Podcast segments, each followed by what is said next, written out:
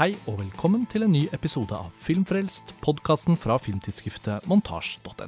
Mitt navn er Karsten Meinick, og nå er vi tilbake fra filmfestivalen i Cannes, men ikke helt ferdig med å publisere våre podkastepisoder fra Croisetten. Vi produserte såpass mange episoder underveis at vi følte vi måtte spe dem litt utover. Det var også hektisk i innspurten av festivalen, så nå på sensommeren har vi gleden av å presentere de resterende episodene. Og episoden dere skal få høre nå, er den aller siste fra årets Kan-dekning. De to filmene vi skal snakke om, er Wes Andersons The French Dispatch og Jacques Audiards Les Olympiades. Helt på slutten av episoden så snakker vi også om noen av dokumentarfilmene som har blitt vist i ulike programmer. Og vi spoler da litt tilbake i tid. Episoden er tatt opp 15. juli, og jeg gir ordet til meg selv, hvor jeg introduserer panelet for samtalen. God fornøyelse. Filmfestivalen i Cannes har nå pågått i åtte-ni dager. Vi nærmer oss slutten, og vi har i denne episoden også med oss Alexander Huser. Velkommen tilbake, Alex. Mange takk. Ikke så lenge siden vi snakket om The Souvenir Part 2 og Annette og Lars Ole Kristiansen. Hei, Karsten. Vi tre har nå planlagt å snakke om Wes Andersons nye film The French Dispatch og Jacques Audiards nye film Les Olympiades, eller Paris 13th District, som den heter på engelsk. Og Jacques Audiard vant jo Gullpalmen for Deep Band for noen år siden. Uh, Wes Anderson har ikke vunnet uh, Gullpalmen, uh, men heller ikke vært i hovedkonkurransen i Cannes ved så mange anledninger. Det var vel kanskje Moonrise Kingdom som var forrige gang. Det tror jeg. Men han er selvfølgelig veldig berømt og veldig godt likt og veldig populær. Og er sikkert mange lyttere som har vært veldig nysgjerrige på å høre oss snakke om hans nye film, som er etterlengtet. Den skulle jo åpne Cannes-festivalen i 2020, men så ble festivalen avlyst. Og så valgte da tidligere Fox Searchlight, nå Searchlight, som er underlagt Disney, og utsette og utsette og utsette premieren. Og til slutt så returnerte de da til Cannes nå som festivalen finner sted i juli 2021. Så la oss starte med The French Dispatch. Og det føles litt unaturlig å bruke masse tid på å si sånn, vårt forhold til Wes Anderson. For det er, jeg føler, er det ikke det litt opplagt? Jo, det tenker jeg. I hvert fall deg og meg, Lars Ole. Det er få amerikanske regissører eh, som er aktive i dag, som har så dedikerte fans som Wes Anderson. Som, så de som har valgt å lytte til episoden, er eh, sannsynligvis eh, fortrolige med hans eh, stil og autørtrekk. Ja. Alexander, i den grad det går an å få plass til en liten sånn intro fra deg om ditt forhold til Wes Anderson, hva, hva ville du hva ville vært dine favoritter fra hans filmografi, og hvor store forventninger hadde du til French Dispatch? Nei, Jeg hadde ganske store forventninger. Jeg er nok ikke så superfan som mange andre. Jeg, sånn, jeg føler at han egentlig nesten er litt sånn hit and miss, jeg, selv om han på en måte er utrolig særegen, og du ser liksom hans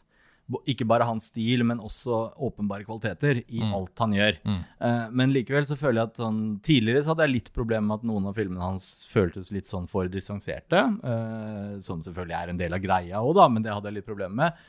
Uh, men av og til så kan også eh, kanskje liksom de påf altså påfunnene hans er litt både en styrke og en svakhet. Da, at det kan komme av til nesten litt i veien for filmopplevelsen òg. Men jeg, jeg, nei da, jeg er veldig glad i ham. Jeg, jeg, eh, Life Aquatic, eh, hva heter den? Eh, altså, The Life Aquatic of Steve Sisu? Eller With Steve Sisu? Ja. Jeg holdt på å si Livet under vann med Steve Sisu, som den vel het på norsk. ja. Den var jeg veldig glad i, og jeg liker animasjonsfilmene hans veldig godt. Isle of Dogs og denne fantastiske Mr. Fox syns jeg var nydelige. Ja, jeg er jo ellevilt Eh, begeistret for eh, Wes Anderson. Ikke minst fordi at filmene hans har så vanvittig stor gjensynsverdi. Altså, De er så komplekst organisert og så detaljrike at eh, det egentlig nesten alltid er vanskelig å ta inn over seg alt sammen ved første gjennomsyn. Mer enn å være romaner man tror man aldri kommer til å orke å lese igjen, så er det liksom sånne billedbøker du bare kan ta fram. Tarzan-bøker som bare mm, åh, ja, sånn. Jeg bare dykker inn i den filmen en gang yes. til. Det morsomme for meg har vært at Royal Tenenbaum, som var jo den første som jeg følte alle elsket, mm. det er den jeg alltid har slitt med å elske. Selv med gjensyn. Så liksom, det er et, fortsatt et eller annet. Men det er en av mine ja. favoritter. Ja, jeg vet. Og min absolutte favoritt vil nok aldri bli uh, slått, kanskje, bare fordi Rushmore var så viktig for meg da den kom. Mm. Og den har alltid tålt gjensyn. Jeg syns den fortsatt er helt fantastisk. Men utover Royal Tenenbaums så må jeg jo innrømme at hver eneste en av dem har på en måte bare enten blitt bedre av å tenke på den og være i samtaler om den, eller ved å se den igjen og så bare gjenoppdage den. Og Grand Budapest Hotel var en sånn som um, jeg plutselig tok et gjensyn med sammen med samboeren min hjemme. og Det var litt sånn impulsivt at det ble det. Og så bare var den like bra og enda bedre, på en måte. Fordi det er jo så sykt mange detaljer, og han har jo blitt eh, også veldig corny, kan man si, i noen av disse siste filmene.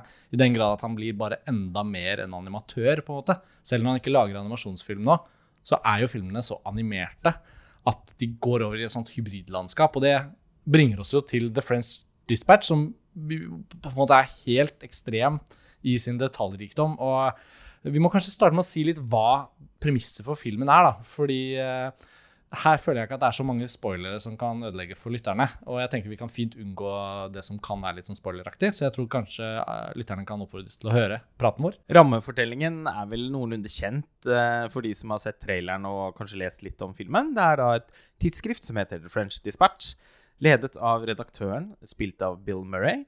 Og til å begynne med så blir vi raskt liksom presentert for uh, de ansatte der og deres ulike egenskaper, de forskjellige journalistenes styrker og svakheter. Uh, og så består egentlig resten av filmen da av tre separate fortellinger, som da er adaptasjoner av artikler fra tidsskriftet. Og i så måte så er den jo det man kan kalle for en sånn portmanteau-film, eller en uh, antologifilm, med tre liksom avsluttede fortellinger som likevel har noen tematiske og ikke minst da helt åpenbart stilistiske paralleller, i og med at de da er redigert av samme redaktør og desket av samme desk. Ja, altså Det er jo helt fortryllende. For, altså, jeg kan i hvert fall bare med en gang bekjenne at jeg har alltid vært veldig opptatt av aviser, tidsskrifter, trykksaker. Alt som har med fonter og trykksverte papirtyper, alt sånt, har bare alltid fascinert meg litt. Selv om jeg ikke egentlig har drevet noe særlig med det. Og denne her er jo altså godteposorama for alle som er litt sånn overdrevent detaljert opptatt av den slags.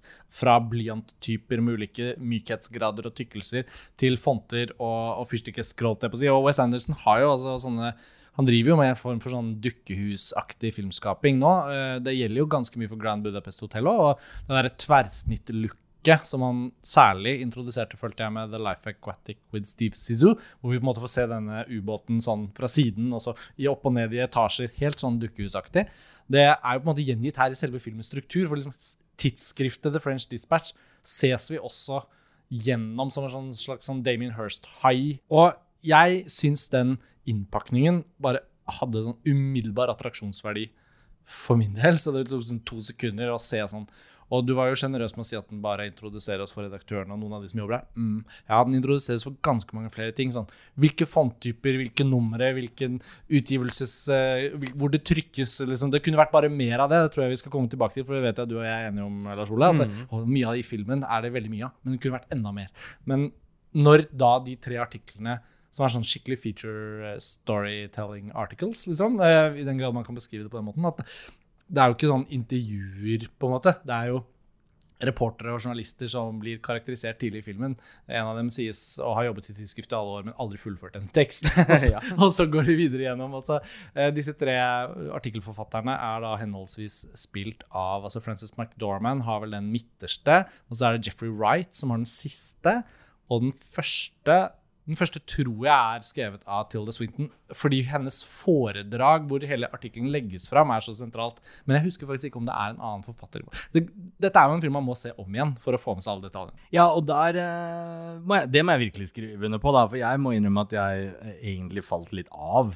Kanskje ikke liksom bevitner om eh, gode oppmerksomhetsevner eller høy intelligens, kanskje, for den saks skyld. Festival fatigue, eller? Ja, altså kanskje. Altså, litt sen visning av den her. Men jeg var ikke så bergtatt, nettopp fordi at jeg, jeg syns det, det, var så mye. Det er så kjapt alt sammen som blir presentert. Det er så mange detaljer, det er så mange karakterer, det er så mange digresjoner. Uh, og det er jo i seg selv liksom, veldig forførende og fascinerende. Men også liksom, her da en visning som ikke har engelsk tekst. Det er jo fordi det er engelsk språk, men, men hvor det uh, også var litt vanskelig for meg av og til der jeg satt på litt sånn type andre rad og av og til høre alt som ble sagt, så, så ble jeg litt sånn at jeg hang ikke helt med på alle disse ekstremt kjapt presenterte historiene.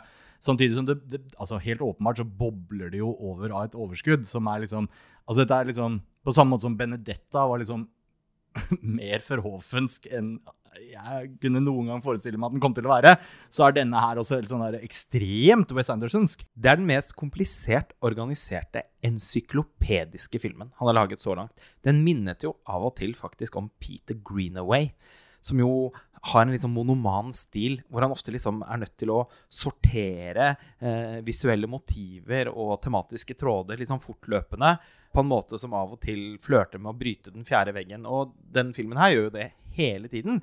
Fra og med fortellerstemmen begynner da den intense og lynraske presentasjonen av liksom fiksjonsuniverset og settingen og til Owen Wilsons eh, nesten sånn musikalsekvensaktige gjennomgang av eh, byen som tidsskriftet sogner til. Og det er en slags prolog eller en slags introtekst til denne utgivelsen. Eh, den glemte jeg å nevne i stad, men eh, Owen Wilson jobber jo også for tidsskriftet og har denne første teksten. Og så kommer de tre hovedtekstene, og så er det jo faktisk en epilog her òg, da. Så det er, bare, er jo et eksempel på hvor uh, tettpakket denne filmen er. At man klarer jo nesten ikke å gjenfortelle den, fordi man glemmer detaljer underveis. Men er, altså, jeg er enig i at det er litt sånn Peter Greenawaysk, egentlig. Men da er det jo Peter Greenawaysk i dobbel hastighet. No, hvis du spoler gjennom en Peter Greenaway-film men, men og, og, nå skal jeg komme med da kanskje en brannfakkel, i hvert fall en kritisk innvending. Da, for Jeg føler jo denne filmens prosjekt, som jeg syns er veldig sympatisk, det er at den er en slags hyllest til den gode, gammeldagse journalistikken. Og da er det jo ikke, liksom, ikke, ikke nødvendigvis den gravende journalisten, og i hvert fall ikke liksom revolverjournalisten. Det er, det er liksom journalistene som historiefortellere. Det er de som går ut og, og finner fascinerende historier eh, der ute og formidler de til eh, sine lesere. Men det jeg sliter med, at jeg føler liksom for, kanskje først og fremst fordi at du blir så bombardert og at det går så fort, så føler jeg ikke nødvendigvis at det er så godt fortalt. Så det er en på en måte hylleste historiefortelling som på en måte etterlater noe å bli begjært, for å ta en anglosisme, eh, når det gjelder historiefortelling. da. Et fascinerende paradoks, eh, tenker jeg, er jo at eh, filmen er en hyllest til historiefortelling, som du sier, Alexander, og til den gode feature-artikkelen.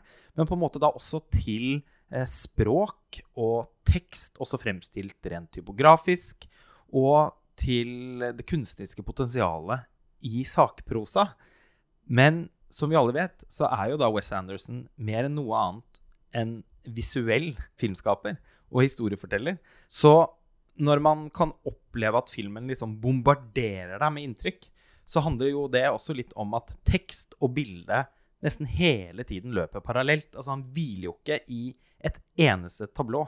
Det er jo ingen kamerainnstillinger som får lov til å liksom sveve litt før man skytes videre i høy hastighet. Også fordi det hele tiden da er en tekst som blir formidlet enten på lydsporet eller av rollefigurer som snakker. Og det her litt sånn zip-fil-aktig komprimerte uttrykket skjønner jeg veldig godt at kan bli enerverende for folk som fra før av kanskje har litt ambivalente følelser overfor Wes Anderson. Og filmen henvender seg derfor også tenker jeg, til et smalere publikum enn f.eks. Grand Budapest Hotel eller Moonrise Kingdom. Jeg vil bare henge meg på to ting dere begge har vært innom nå. fordi dette er en film det er gøy å snakke om, og særlig hvis man ikke er helt enig. Altså, sånn, jeg, jeg tror på en måte vi er grunnleggende ganske enige, fordi vi observerer jo veldig tydelig den samme filmen. Men så er det hvor stor eller mindre grad setter man pris på, eller henger man med på det. Og jeg slipper meg jo helt sånn fri når jeg ser en film som dette og tenker at det er ikke så Jeg kommer aldri til å få med alle detaljene i hvert minutt av filmen, så jeg må bare ta, ta med meg det jeg får, og så blir det gjensyn, og så kan man kose seg med den senere. Men apropos det der med historiefortelling og hvordan den skildrer det, syns jeg det er også interessant å se at de tre hovedfortellingene her de er utført, øh, eller gjenfortalt, fra hver journalist med litt ulik fortellerstil, og det syns jeg er ganske kult gjort. Tilda Swinton hun holder på en måte et foredrag med slides. Og så har man voiceoveren, og så ser man selvfølgelig fortellingen da om denne uh, kunstneren spilt av Benicio del Toro, som er, uh, sitter fengslet på livstid nærmest for uh, dobbeltdrap. og likevel blir en Hva skal vi si? Han blir inspirert av en fengselsvakt spilt av Lea Seydoux til å bli maler, hvorpå han av en annen fange spilt av Adrian Brody blir oppdaget som moderne kunstens uh, nye revolusjonære stemme, osv. Jeg skal uten å gjenfortelle mer.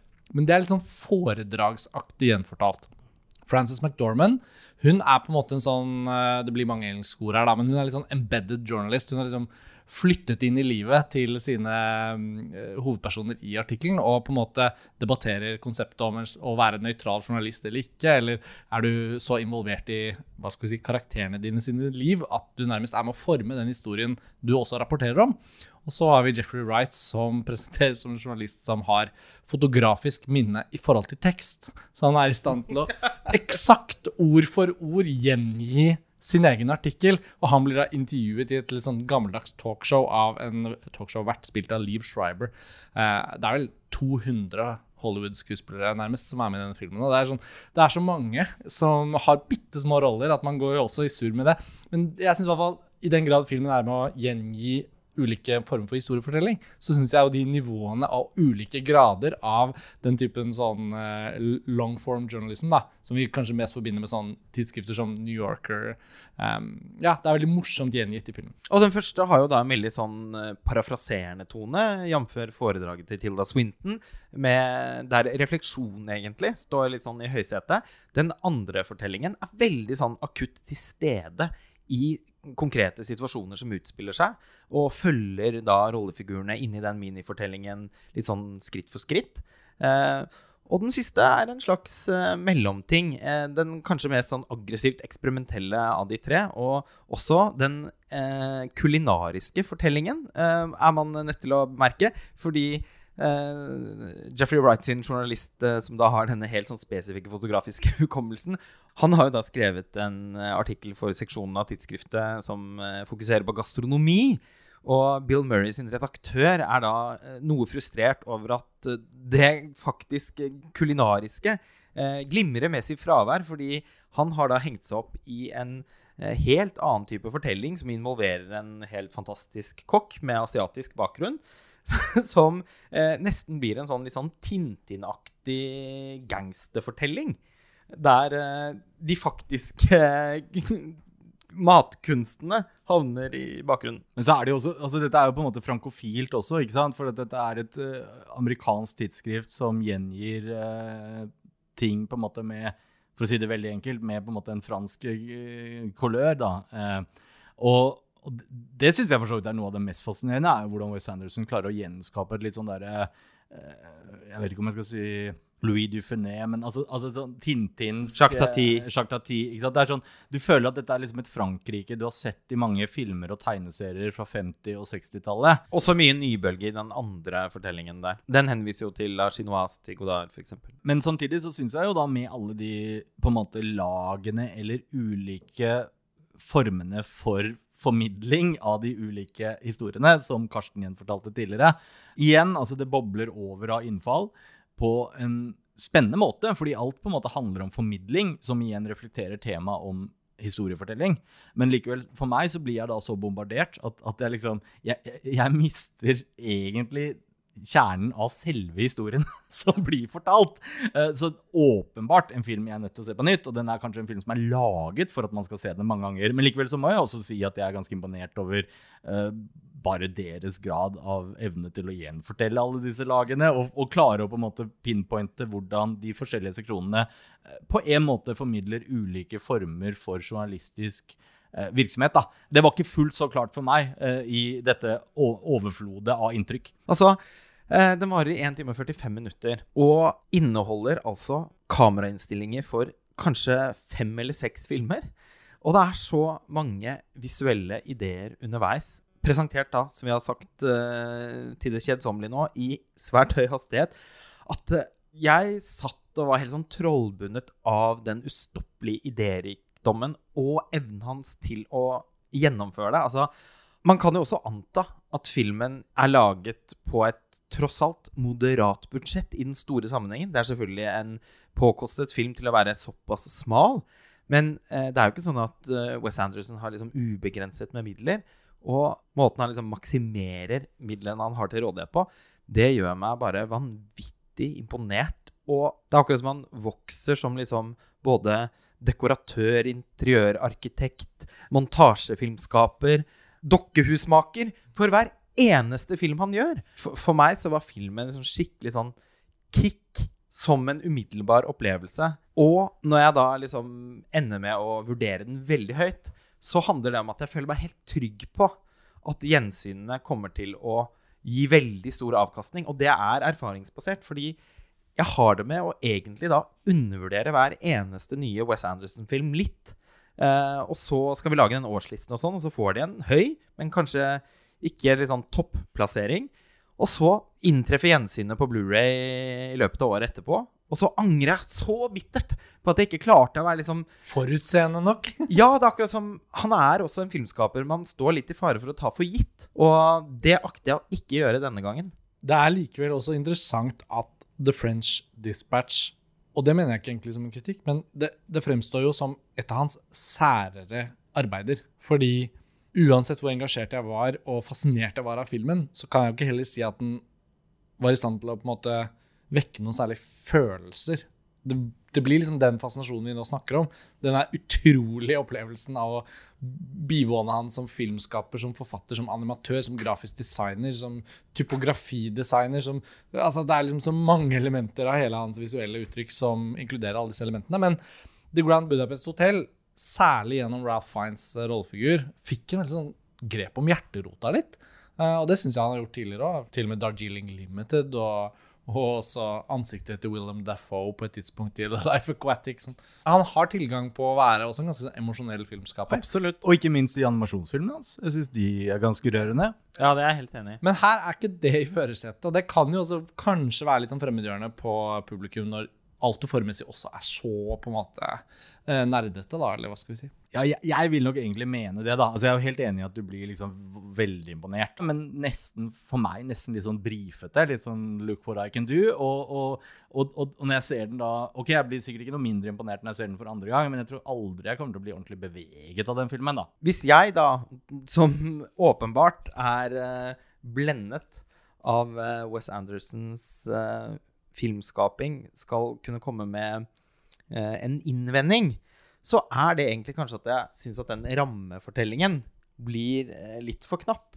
Jeg var kanskje forberedt på og ønsket meg en eh, enda liksom grundigere eh, utforsking av hvordan hverdagen på et sånt tidsskrifthus er. Og han legger jo veldig til rette for det bare liksom gjennom produksjonsdesignet. Jeg føler ofte at jeg sitter og ser langt innover i bildet og blir innmari nysgjerrig på mange elementer, men så vender han ikke tilbake til dem uh, for å uh, si noe mer, da. Jeg savna egentlig også litt at de historiene som blir fortalt av de ulike journalistene, at uh, når vi blir presentert dem, at de på en måte kunne vært mer i dialog med hverandre. Sånn, mer en sånn slags sånn klassisk flettverkstype fortelling.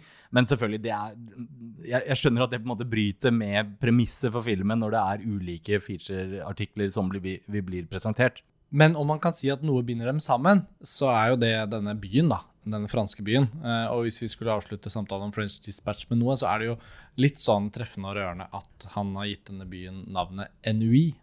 Og Ennui er jo et sånt fransk begrep som også brukes i engelsk. og Jeg vet ikke hva den norske definisjonen er, men uh, jeg har definisjonen her foran meg. for jeg synes bare det er sånn treffende avslutning. Da, liksom, uh, ennui, a feeling of being bored and mentally tired caused by having nothing interesting or exciting to do. For noe av humoren her er jo også at denne lille franske byen, uh, eldgamle franske byen, som um, The French Dispatch rapporterer tilbake er jo også et litt sånn dødt sted hvor på en måte i hermetegn ingenting skjer. Så jeg liker tanken på at liksom også noe av dette er en slags sånn fantasiverden som også handler om å liksom prøve å puste liv i et sted som liksom ikke helt fins lenger. Da. Og at filmen kanskje kan oppnå en litt sånn økt melankoli ved gjensyn, når man begynner å bli litt mer sånn klar over at det er en sånn tristesse som også hviler over hele greia. da.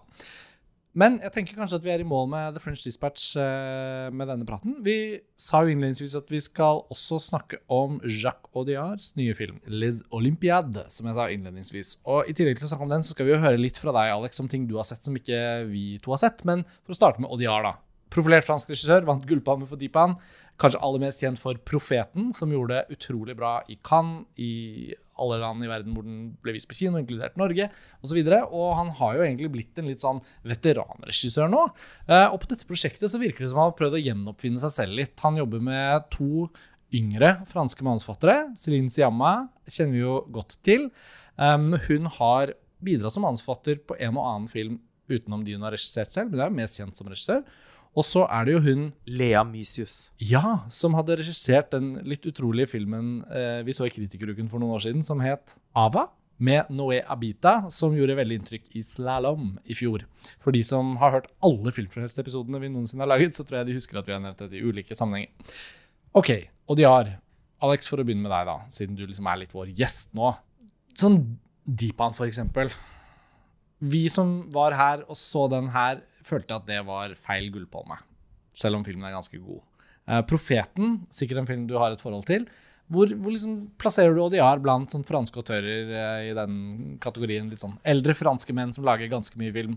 Tja, ja, er han eldre? Det visste jeg ikke engang. Men eh, jeg skal innrømme først at jeg følte ikke at jeg var helt med på hypen om Profeten. Eh, det har vært en film jeg hadde lyst til å se på nytt, da, for jeg føler jeg tok liksom litt feil. Ga den en firer da den kom på kino.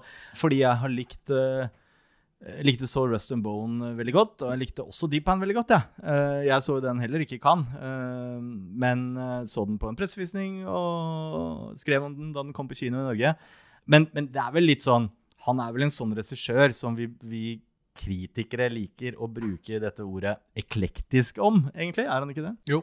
Han har laget på en måte ganske mange forskjellige filmer, og hvis jeg ikke tar feil, så var vel hans forrige film var jo denne litt sånn man bør kanskje si revisjonistiske westernfilmen, denne The Sisters Brothers.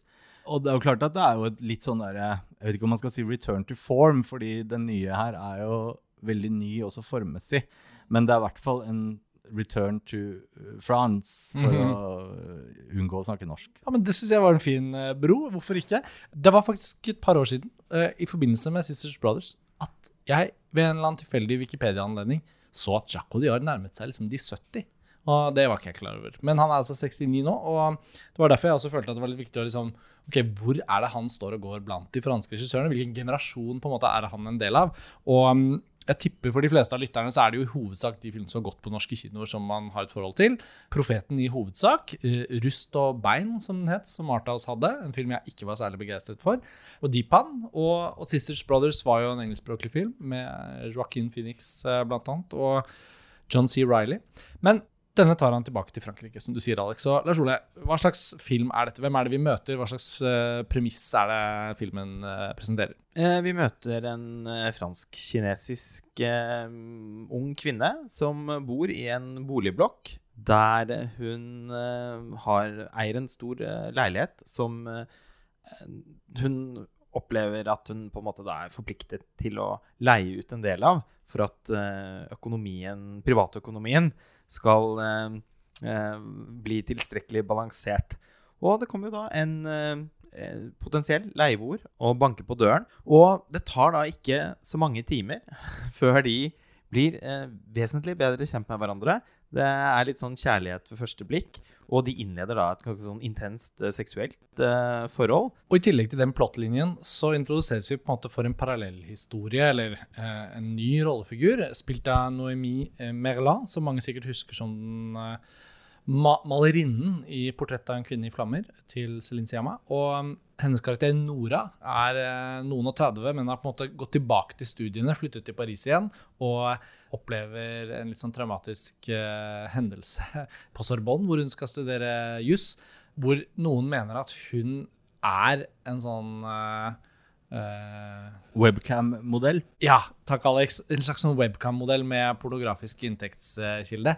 Og dette blir traumatisk for henne, men vi opplever at hun også har med seg en del traumer. Og så, bare etter noen minutter, skjønner vi at disse to plottlinjene kommer til å veves sammen av at han eh, leieboeren til Emily Wong, han eh, som heter Camille, han spilles av Makita Samba. Han er da en del av begge disse to jentenes liv. Og etter hvert så blir jo ikke filmen egentlig to frittstående historier, men egentlig en og samme historie. da. De smelter veldig sånn organisk eh, sammen. Kan man si også at dette er jo da en film som er veldig mye sånn lettere til sinns og litt sånn lavskuldret lagd av Odiar. Det er ikke sånn store episke ambisjoner. Filmen i nesten all, Med unntak av noen få klipp, så er hele filmen i svart-hvitt.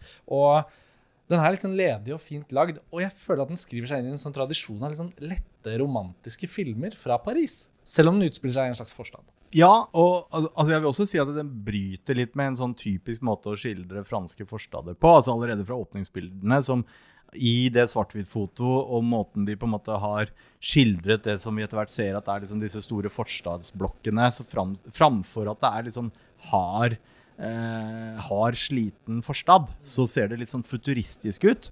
Den føles litt sånn frisk og ung, på en måte, og det gjør den også ved at den er den handler også mye om bare sex. Eh, det er liksom Mm. eh, Sex som kommunikasjon, sex som identifikasjonsuttrykk. Det er egentlig veldig fint eh, brukt i filmen. Ja, helt enig. Og jeg tror også med lett så tenker jeg litt på at den er veldig tilgjengelig. Altså jeg tror dette er en film som ganske mange ville hatt liksom glede av å se, bare fordi den, den diskuterer noenlunde unge menneskers eh, opplevelser av eh, jobb og liv og kjærlighet, på en måte. Og det høres generelt ut, men det er nå engang sånn veldig sånn kommunikativt lagd. Og um, jeg tror at i fransk film òg er det jo ikke veldig ofte at en fransk-kinesisk hovedperson gir såpass mye plass i filmen. Altså, på en måte så føles den også fresh ved å en, ikke liksom skildre forstedene som en sånn kriminell eh, kamp mellom ungdommer og politiet, som jeg føler er historien hver eneste gang. Lein. Eh, ja, Lein, også alle andre som har prøvd å gjøre det samme. Alle avleggerne. Mens her er det som eh, Og det er kanskje en litt obskur referanse, for han har ikke vært så mye på norske kinoer, men Philip Garell, Garel, eh, faren til Louis Garel, han har laget en hel del sånne halvdramatiske, halvintrigebaserte eh, kjærlighetsfortellinger i svart-hvitt eh, fra Paris siste årene. Men denne her har ikke det liksom gubbete blikket som ofte preger hans eh, filmer. Sannsynligvis takket være Celine Siamma og Lea Missus, da. Ja, absolutt. Og de hører liksom til samme hva skal vi si, gruppe av franske filmer for et veldig sånt Hvis man er helt liksom uviten og bare ser denne på en kino, og hvis man ved en tilfeldighet har sett andre filmer som ligner, så føler jeg at man kan gruppere det. Men utover det så er det ikke egentlig så lett å plassere denne ved siden av noe særlig annen fransk film som har blitt laget. Det blir mer naturlig å tenke at som en forlengelse av andre ting vi har sett i Cannes i år, da. Mm, som verdens verste menneske. Jeg skulle til å si det. Eh, De har ikke så mye formessige likheter, men det er litt sånn flott å se at ikke sånn tenåringskjærlighet, men sånn ung voksen kjærlighet og problemene med å finne seg til rette i livet og finne ut av hvor man skal, det er faktisk skildret både i 'Verdens verste menneske' og i denne filmen. Og i den eh, belgiske filmen 'Zero Fucks Given' med Adele Ja. Som vi så i Kritikeruken. Og en liten, til en viss grad også i Bergman Island. Lite grann. I hvert fall mye av Wasikowkas um, reise der. Så jeg, jeg vet ikke, jeg likte at det var sånn overlappende ting man kunne spotte i denne Oddjar-filmen. Mm. Og at han er veldig god til å bruke miljøene aktivt i iscenesettelsen sin. Det skyldes jo selvfølgelig det utsøkte sort-hvitt-fotoer, men også bruk av split screens, også diegetiske split screens, for å liksom underbygge deres egenskaper. da. Den har egentlig noe litt sånn klaustrofobisk ved seg, som jeg tenker at gir en klang til den eksistensielle eh, problematikken da, som eh, Oddjar og manusforfatterne diskuterer. Den er utrolig fint castet, og har rett og slett veldig høy underholdningsverdi. Og jeg kan forestille meg at dette her er en film Spike Lee kommer til å ha veldig sans for. Han er jo da årets juryformann i Cannes, og han slo, debuterte jo med filmen 'She's Gonna Have It'. Og det var faktisk en referanse for meg under filmen. Sikkert da, ikke sant eh, Aksentuert av at jeg vet at Spike Lee sitter og ser og vurderer denne filmen. Det var en sånn film jeg virkelig følte etterpå at tenkte sånn, den er det lett å anbefale. For den tror jeg kommer mange til å ha glede av. Og så er den litt sånn uanstrengt. Og det har vi jo alle vært enige om nå her, at liksom den, den flyter, og den har noe på hjertet, og den er litt spennende lagd, og den har veldig bra casting, bra spill, og leker litt med formspråket, men ikke så mye at det blir sånn åh, Egentlig er den ikke helt sånn typisk festivalfilm heller, hvis man liksom bare tenker at den vises i en kinosal med helt vanlige mennesker, så tror jeg den kommuniserer veldig bra. Så mm, med det sagt, så kan det jo hende at vi skal bevege oss over til uh, vår planlagte sånn epilog på denne episoden. Da. For det er jo tilfellet, Alexander, at du har sett en del dokumentarer under årets festival. Og det har jo ikke vi fått uh, gjort i like stor grad, eh, Lars Ole. Så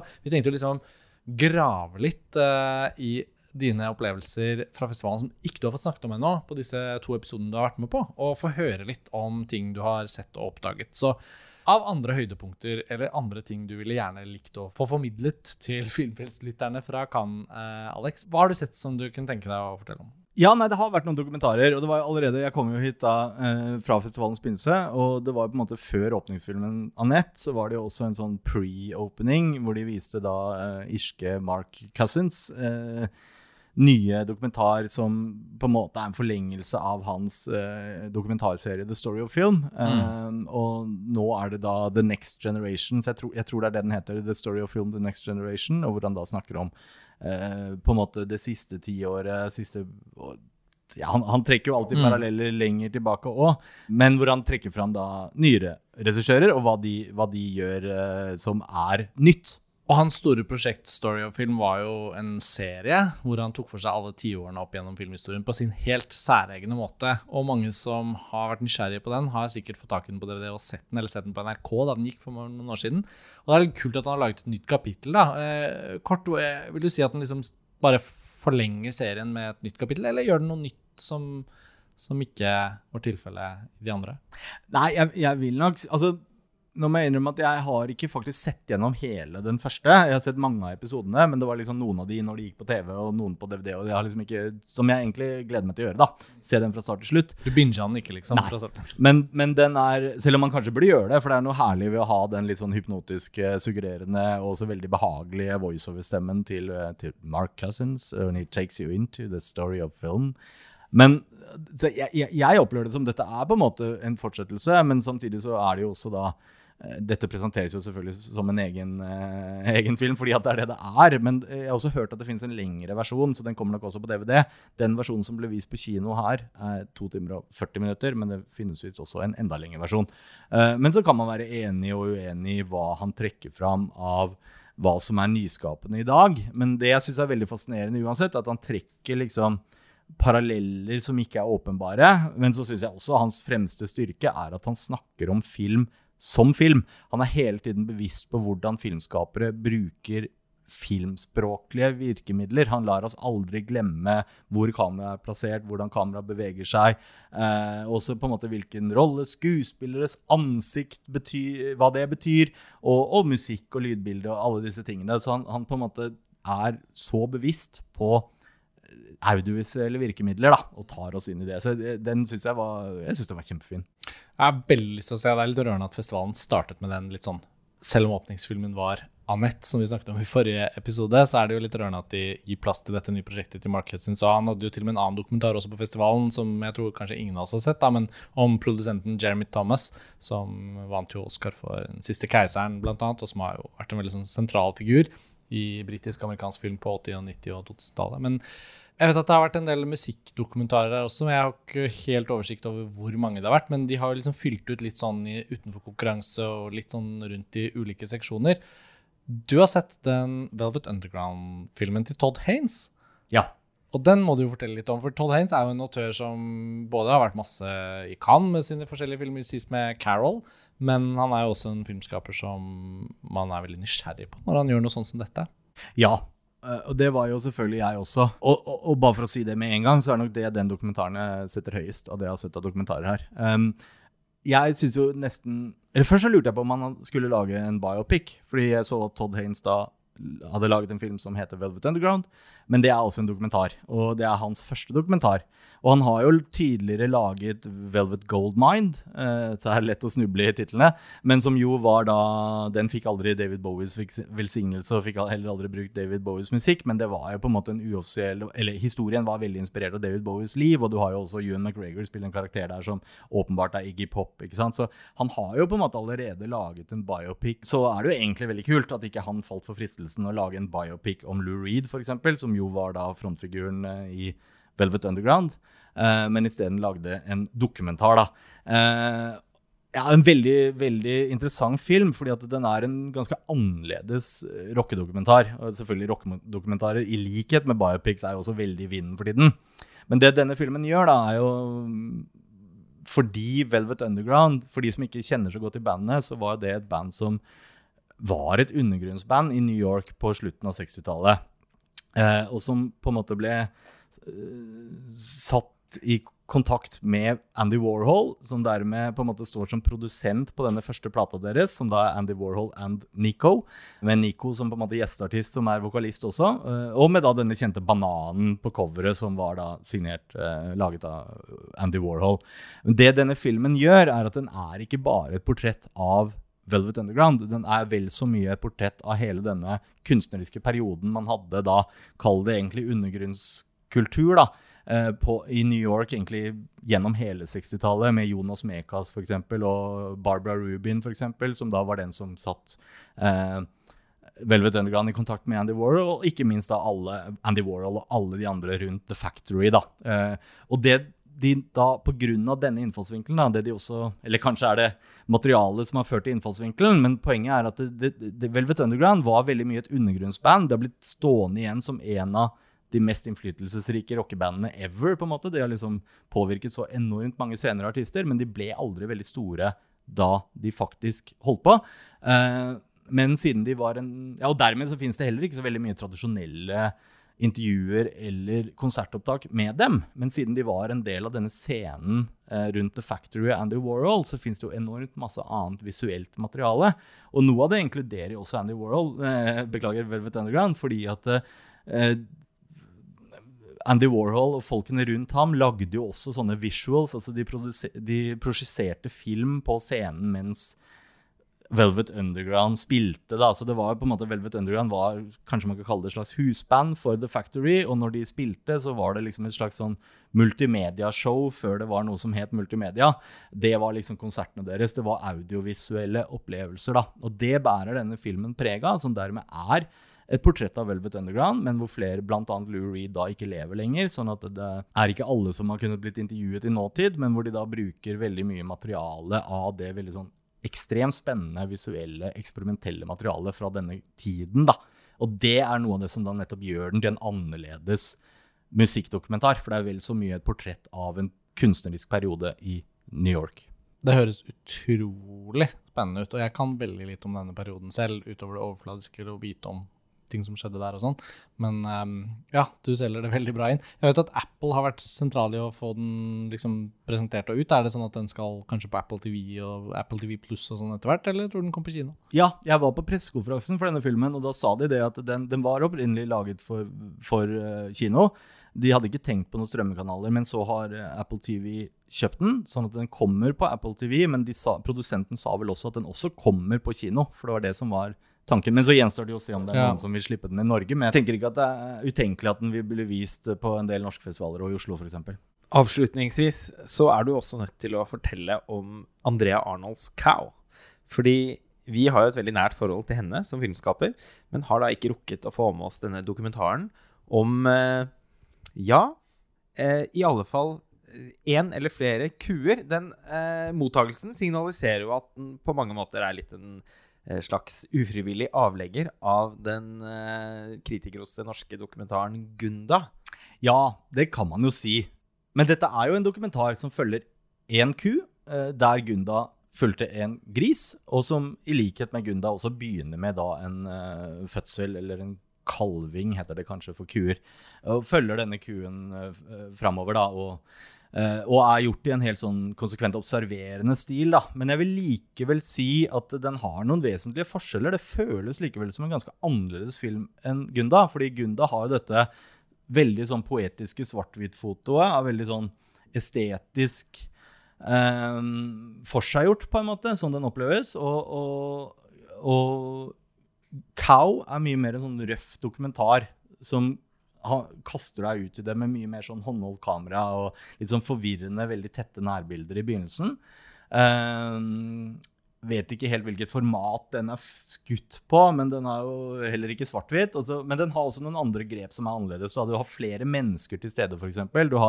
Det er konsekvent uh, observerende. Så det er ingen intervjuer eller fortellerstemme, eller noe sånt, men du har menneskene på gården hvor denne, uh, denne kua lever, da, uh, som du da også har med i scenene hvor de, hvor de, snakker med hverandre litt om hva som skal gjøres, og de kommuniserer jo på en måte også med kuene og sånn.